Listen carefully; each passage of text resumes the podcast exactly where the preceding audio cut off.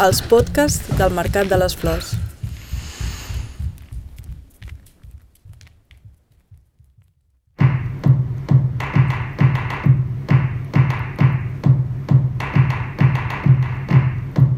Tu, tu feies cagar el tio de petita? Sí.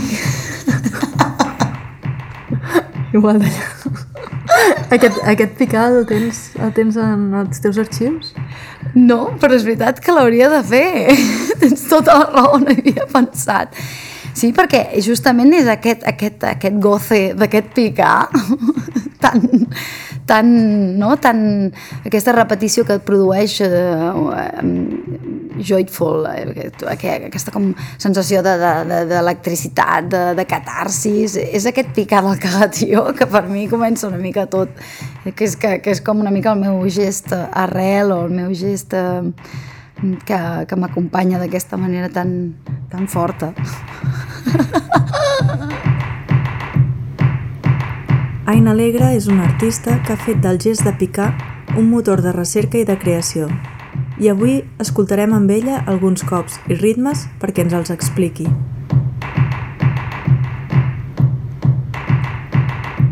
Aquesta vilatana energètica i riallera es va formar al CNDC, l'Escola del Centre Coreogràfic Nacional d'Angers, a França, i va fundar la seva companyia el 2015 a París. Però no ha perdut mai el lligam amb les seves arrels, mentre que s'ha expandit cap a territoris molt més vastos, a partir de la pregunta de com piquem. Això del picar, què? Perquè, bueno, picar, bueno, sí, pues, pues, pues, pues, no, no, no és una, una cosa gaire intel·ligent, diguem-ne, no és gaire, no sé, no és gaire elaborat com pregunta, no? Però és que sempre ens porta a moments o a descripcions eh, en el que han viscut un espai de eh, físic i emocional molt... molt què?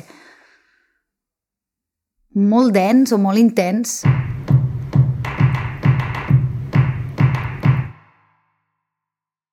El, aquesta cosa del picar, que és tan concreta i, fi, i quasi diria que és una mica... És un espai molt petit, perquè és una acció. No, és, és, és, és, és una acció, és un gest, però a primera vista sembla que no hi hagi masses possibilitats amb això.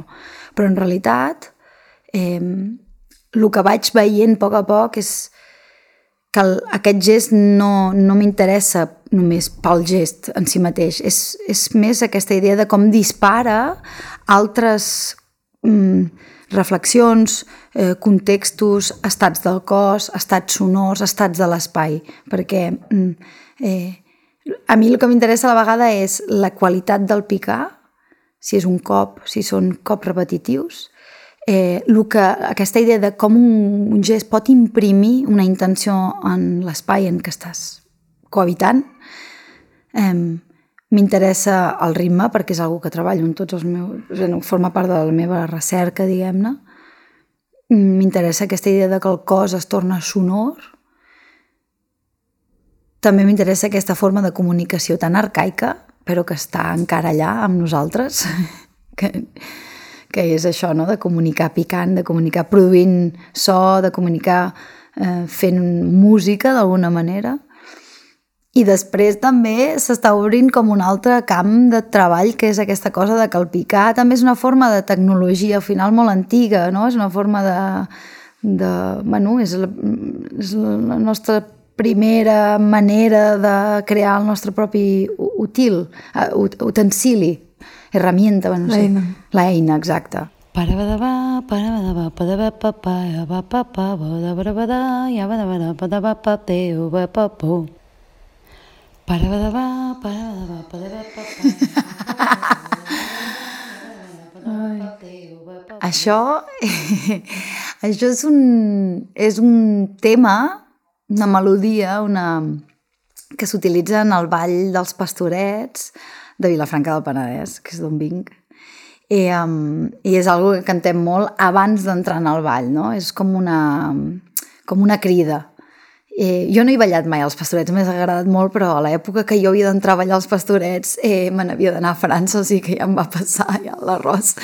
Però eh, és un ball popular que també hi ha a Tarragona, Sitges, mm, el Vendrell diria, si no m'equivoco, i es balla, es pica amb, bastó, amb, amb bastons molt llargs i són, hi ha molts salts i és un ball molt energètic eh, eh, que agafa molta força al carrer. I és repetitiu, eh? és, simplement és un passacalle que es va avançant i es va picant. I aquesta és la melodia d'entrada. I, i eh, el, amb el joc de la Bet, amb la peça aquesta que vaig fer el 2017, no treballàvem directament amb aquest ball, però sí que, sí que vaig intentar una mica eh, sense reproduir els balls populars perquè és una que no m'interessa, entendre quins gestos són, què fan aquests, per què són aquest tipus de gestos els que estan en les danses populars, en els balls populars, en les festes populars. Eh, i, i, i, i què tenen de contemporani, al final, també, no? Quan dius aquest tipus de gestos, a quins gestos et refereixes? Eh, em refereixo, amb, per exemple, amb què és el que produeix eh, crear una pulsació amb un picar, per exemple. La pulsació que puguis tenir amb la tecno, amb les raves o amb les festes populars, el que produeix és que el nostre cor bategui de manera col·lectiva, o sigui, hi ha una sincronització de, dels cors, però també eh, el ritme és un lloc meravellós per posar els cossos en comú. I és molt simplista de vegades dir això, però és que és així. I um, jo estava en un moment en què havia de tornar a reconciliar-me amb la força que tenen aquest tipus de proposicions en la dansa, de dir, bé, doncs entrem aquí tothom a, amb això i què passa de cohabitar els nostres cossos portant el mateix ritme.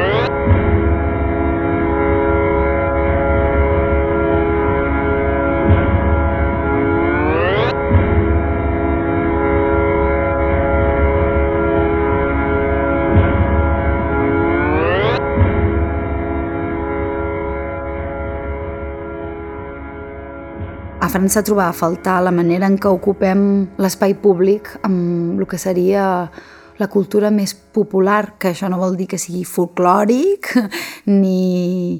però aquesta energia una mica catàrtica que, que pot haver-hi um, amb les festes populars que tenim aquí, allà s'ha perdut molt.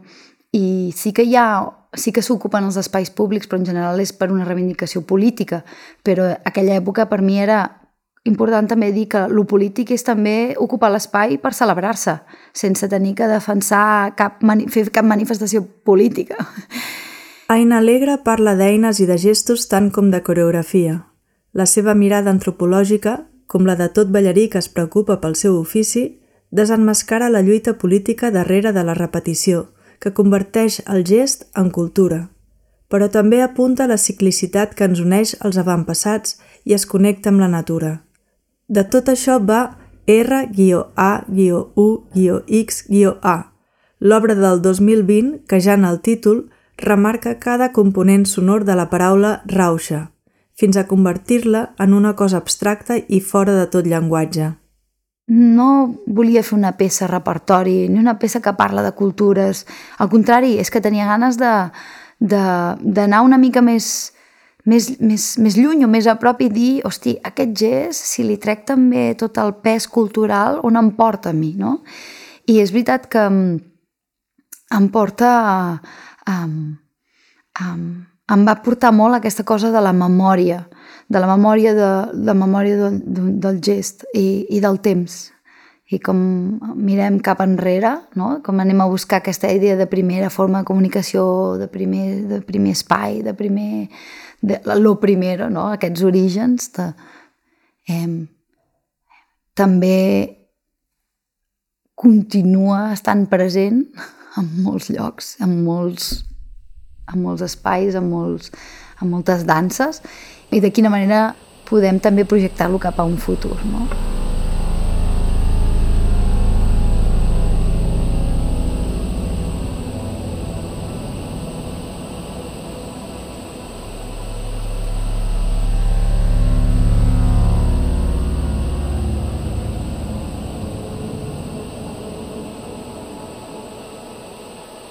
Rauxa és una peça còsmica, un solo amb dramatúrgia de Quim Vigues i altres còmplices brillants.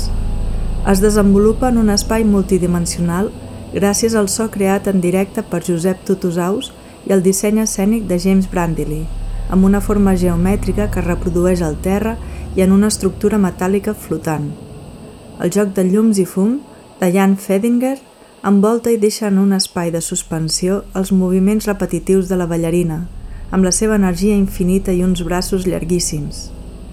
El vestuari futurista d'Andrea Otin no impedeix que passos i salts recordin algunes danses tradicionals, però ens les fa percebre com si es tractés d'un codi secret carregat d'informació del que ha de venir. Encara que sigui un solo, està um, cohabitant uh, amb, un, amb, un, uh, amb un món que ja està allà, que ja existeix i, i que l'afecta, aquest cos afecta aquest món i està afectat per aquest món. I per això parlo molt de que és algo còsmic en el sentit de que és una peça superatmosfèrica, eh, més immersiva, en la que l'espectador no ve a fer una lectura eh, ni discursiva ni específica sobre el, les danses i el picar, eh, eh, eh, estem en un món més abstracte, però el picar no està allà per ser dit o anomenat, és, és només un detonador perquè el cos pugui entrar en altres dimensions per mi.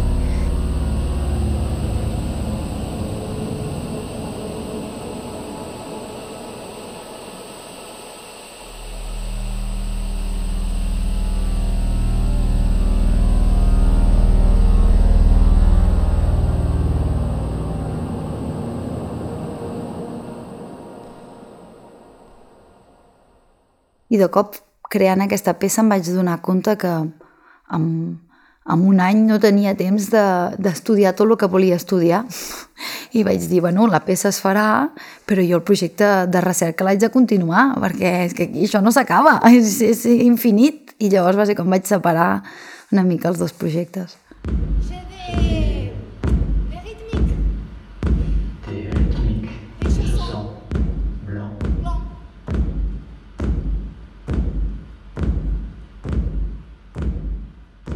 Així va començar el que ha anomenat Estudis, un projecte de llarga durada que ha pres diverses formes, algunes més escèniques, altres més instal·latives. El que sempre hi ha és una banda sonora en la que es dona a entendre la font, l'arxiu amb el que treballa. El Festival d'Avinyó del 21 hi va presentar l'estudi 4, Fandango and Other Cadences, al costat de Yannick Ugron, que li explica la seva experiència amb les danses basques. I ara m'estava venint al cap que l'altre dia, que era la festa de Santa Eulàlia, jo venia de festa a les 8 del matí a casa meva i em vaig trobar amb les matinades, que és, és el, toc, el toc de matinades, que són gralles i tambors i que... Eh, i, bueno, és, és un so que, que té, és molt àcid, és molt potent i que és un, és un tema que antigament, si no m'equivoco, era per despertar la ciutat, no? A les 8 del matí passejaven pels carrers...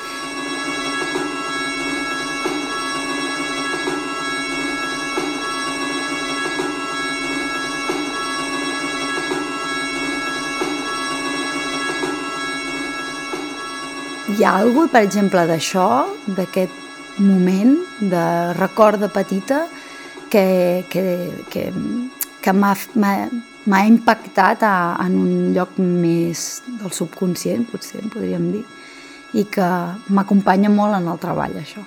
I no sé molt bé, no puc ni posar-hi paraules, és una sensació eh, de perseverància, mm, de, de, de volum, de vibració, de ressonància, de, de, de dir que eh, m'agrada aquesta cosa de dir que avantpassats ho van fer i els futurs també ho faran. I és com que acció, bueno, rituals així permeten connectar el temps també, és, eh, que no es torni tan lineal, que és com una trobada en el temps entre passat i futur. I és algo ja, no sé com explicar-ho, és com, jo crec que aquesta cosa del picar també em ve d'això, d'aquesta d'aquest desig d'una perseverància, no sé, una perseverància no, no, no sé, no, que té a veure amb, sense posar-me massa tampoc melodramàtica, però que té a veure amb, amb, amb és, és aquesta cosa de, bueno, l'únic que ens queda és continuar vivint. Doncs pues amb aquest gest també de vegades em passa això, l'únic que em queda és continuar fent-ho, a veure on em porta.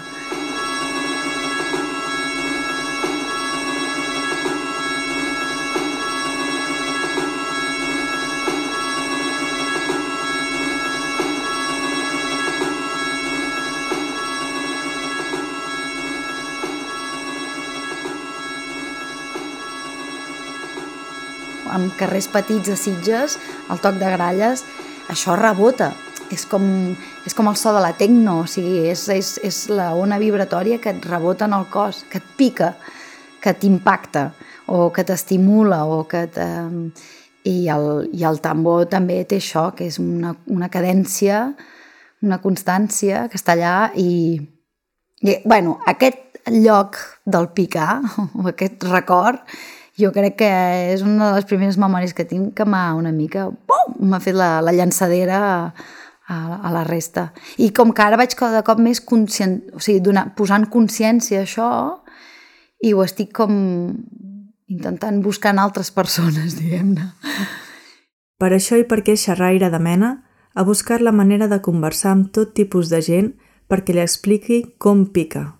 Gent de professions tan variades com els seus interessos a mi hi ha molta influència de, del, del cinema, del món cinematogràfic en, en, el, en el meu treball coreogràfic i també hi ha una gran influència de la plàstica del cos i de la relació plàstica que podem tenir amb el cos.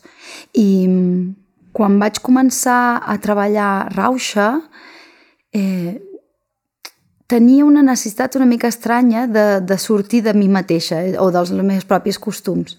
I, per una banda, eh, l'estudi de dansa ja no era un lloc per mi eh, on, ja, on, on era, diguem-ne, un espai creatiu o que m'inspira. Tenia com una necessitat de sortir fora i anar a buscar altres maneres de fer o altre, que no estiguin tan mm, que no siguin tan dins dels processos habituals amb dansa contemporània, que és crear en estudi eh, fins en el teatre.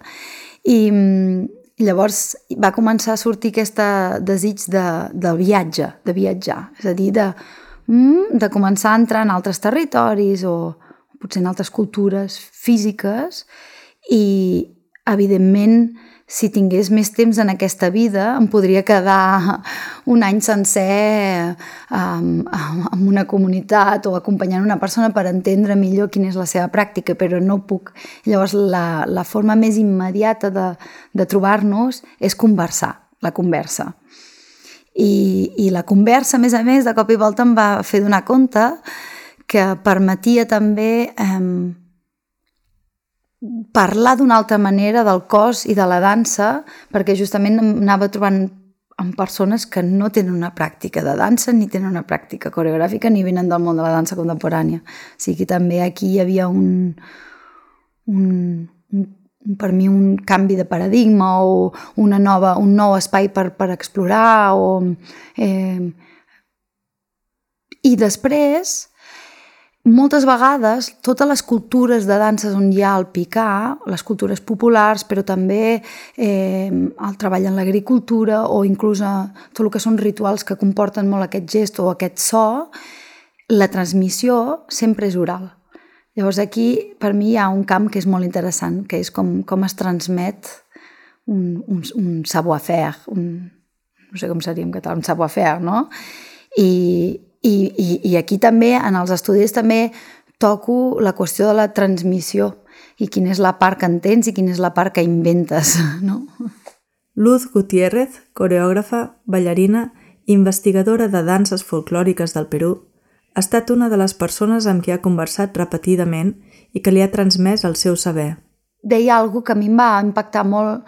Va haver un moment que ella em diu, que això em va quedar molt al cap, em va dir, sempre estem buscant a, a, a, a buscar mm, similituds amb com es coreografia a, a Europa, en Occident, però aquí tenim, ho tenim tot per creure més en les nostres pròpies coreografies. I llavors parlava molt de, també de com s'utilitzen els colors, de com s'utilitza eh, la relació amb el, amb el terra, amb el frapejar, amb el picar, amb, amb, amb el fet de que són terres arqueològicament extremadament bueno, riques, vull dir, fèrtils. Eh, I després també parla amb la relació que és, que és que, que per mi va ser una gran relació amb com la, les coreografies tenen, estan relacionades amb la posició dels astres, no? amb les, amb les... i parlen de que la dansa pues, és una cosmovisió. Aquesta idea de la cosmovisió és una paraula que jo no utilitzava en el meu treball o en el meu pensament. I això és molt guai. A fer entrar paraules noves et fan canviar la plàstica de la manera en què penses les coses. I la idea de cosmovisió és algo que eh, ara ha entrat en el meu vocabulari, per exemple. També ha parlat amb una xaman, un altre ús de la pulsació atàvica que ja havien reconegut pioneres de la dansa com Maya Deren o Mary Wigman, que feien servir tambors per a les seves pràctiques. I, i el tambor també és picar, i és repetició, i és ritme, i és vibració. I, ella m'explicava els protocols o els processos, però després, eh, al final, eh, entra en altres dimensions. Què vol dir? És molt complicat parlar d'això fins que no ho experimentes. Eh, I el, les paraules també pues, estan eh, carregades també de connotacions, eh, de visions, eh, d'aquí o d'allà. I llavors, eh, clar, aquesta cosa de tenim un cos també per poder entendre les coses, que de vegades ho oblidem, això també. I amb això no dic que jo eh, treballi sense el discurs o sense el concepte. Vull dir, no, no, és, és simplement que és que es necessita tot. es necessita tot.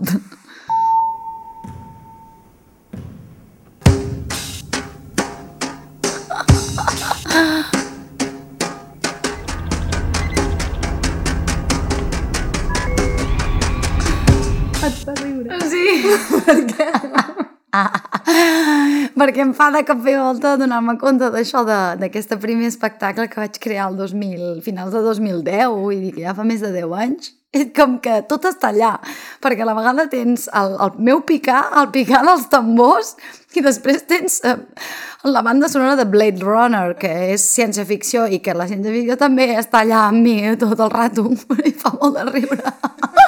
És com, vale, no cal que parlem més, tot està aquí. no calia fer res més. Ja, mateixa. ja està tot allà. I, i, I a més el títol, no? Es tracta d'un desnudo mitològic, i la idea de mitologia, també, d'ancestralitat, tot això, um, està allà. Sí. no havia pensat mai. Sí que pensava que, oi, en aquest solo també repeteixo molt, hi ha molt de so del terra, eh, la repetició aquí era molt mecànica perquè aquella època jo estava eh, dialogant molt amb el, que, amb el meu passat com a gimnasta, Eh, eh, i, i és una peça que, bueno, que, la repetició, que parla de la mecanització del cos i que parla de la instrumentalització del cos.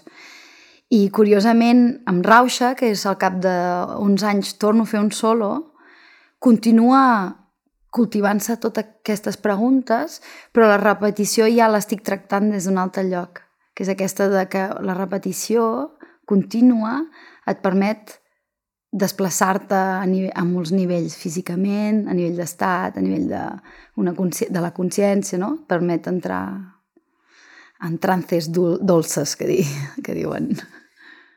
No se trata de un desnudo mitológico és el seu primer solo, de l'any 2011. Havia practicat gimnàstica dels 5 als 15 anys. A la dansa hi arriba molt més tard per un desig de crear amb el cos, de creuar estats corporals i de conèixer a través del cos un cos que queda travessat per tot tipus d'informacions, un cos mèdium. En general, sempre tinc la sensació que estic molt acompanyada per presents absents. És a dir, que eh, sempre hi ha amb mi altres persones o que he conegut, amb qui he parlat, amb qui he conversat i amb qui recullo les seves, les seves històries íntimes, diguem-ne, però també amb Rauxa tinc la sensació de cohabitar amb fantasmes de la dansa en, l'espectacle, amb, amb referències que, que m'acompanyen. I en aquest sentit, ser mèdium és aquesta cosa de, també de, de, que acaba sent un cos porós, eh, que fas cohabitar les teves pròpies intencions, però també eh, tots els efectes i totes les informacions que va rebent de, del món exterior també, no? No inventem res, eh? això ho sabem. Bueno, jo us tinc molt clar que no invento res jo. O sigui, és un diàleg constant amb el que t'afecta i com ho afectes, i puntó. I, la, I els artistes que, o obres que t'han afectat i, i el que vas veient i els interessos comuns, vull dir, això és claríssim. Però sí que és veritat que a mi m'agrada eh, no sé si no sé si fent el que faig, o sigui, jo diria que no. En cap moment em pregunto si això és dansa contemporània o no. O sigui, és que m'és igual. Eh, en el sentit de que m'agrada o sigui, tenir una part de, de presa de risc o, o de, o de o de mm, barrejar llenguatges o d'hibridar eh, referències o posar en contrast eh, mm, potser eh, cossos o, o imaginaris corporals o representacions del cos que no venen de les mateixes èpoques o que no són pas contemporani, però jo tinc molt Nijinsky amb mi, per exemple, i no gens contemporani d'alguna manera, però ho és molt a la vegada, no? O Valeska Gersky, són, són són figures de la dansa que m'acompanyen i que, que no són d'ara, però... I després també, eh, com deien en Quim un dia, també penso molt en, en, en aquests cossos futurs, aquests cossos ciborgs, i com, com aquest ciborguisme també afecta la nostra manera de crear. Si imaginem un cos eh, amplificat, en expansió, però sense utilitzar la biotecnologia, la tecnologia, què significa des de la dansa o des de la coreografia, potser parlaria més. Eh, treballar amb aquesta idea d'un cos, eh, eh, doncs això, que s'augmenta, no? perquè parlem de realitat augmentada, de coses augmentats, bueno, pues, eh, des de la pràctica de la coreogràfica i de la dansa, què vol dir això, per exemple? Bueno, això és ara una mica el meu interès.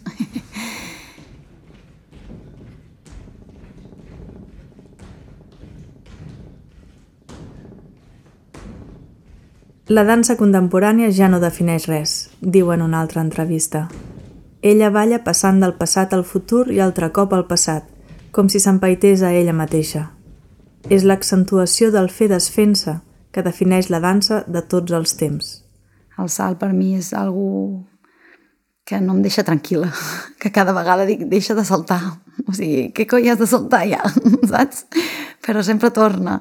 I sempre hi ha un moment donat en les obres que el salt ve, i ve i insisteix i, i busca aquesta, aquesta lluita contra la gravetat. I potser sí que et diria, no, no, no, no, tinc, no, no, no tinc còlera o no tinc ràbia, però sí que hi ha una necessitat de, de lluitar una mica contra les forces de la gravetat, d'anar cap amunt, tira cap amunt. Això del tirar cap amunt, que també es diu molt en els castells, eh, és buscar aquest espai del temps en què estàs en suspensió dalt i no utilitzes cap múscul. és algo que m'encanta. Vull dir, és, és... Sí, és molt guai.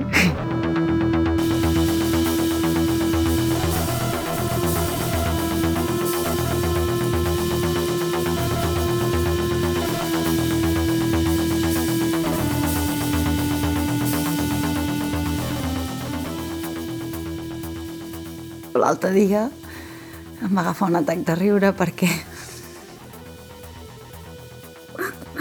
diré potser el cop que el cop més eh, eh, que més m'ha sorprès, perquè al moment en què penses a, en, en aquest picar i aquesta repetició, tot un món se t'obre de consciència.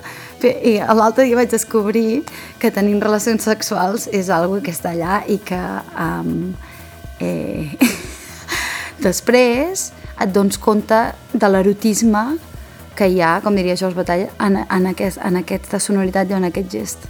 És increïble. I això va ser l'altre dia de dir com, what the fuck? També va d'això?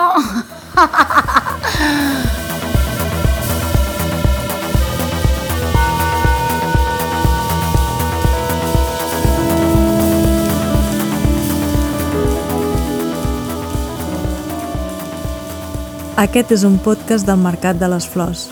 Barcelona 2022.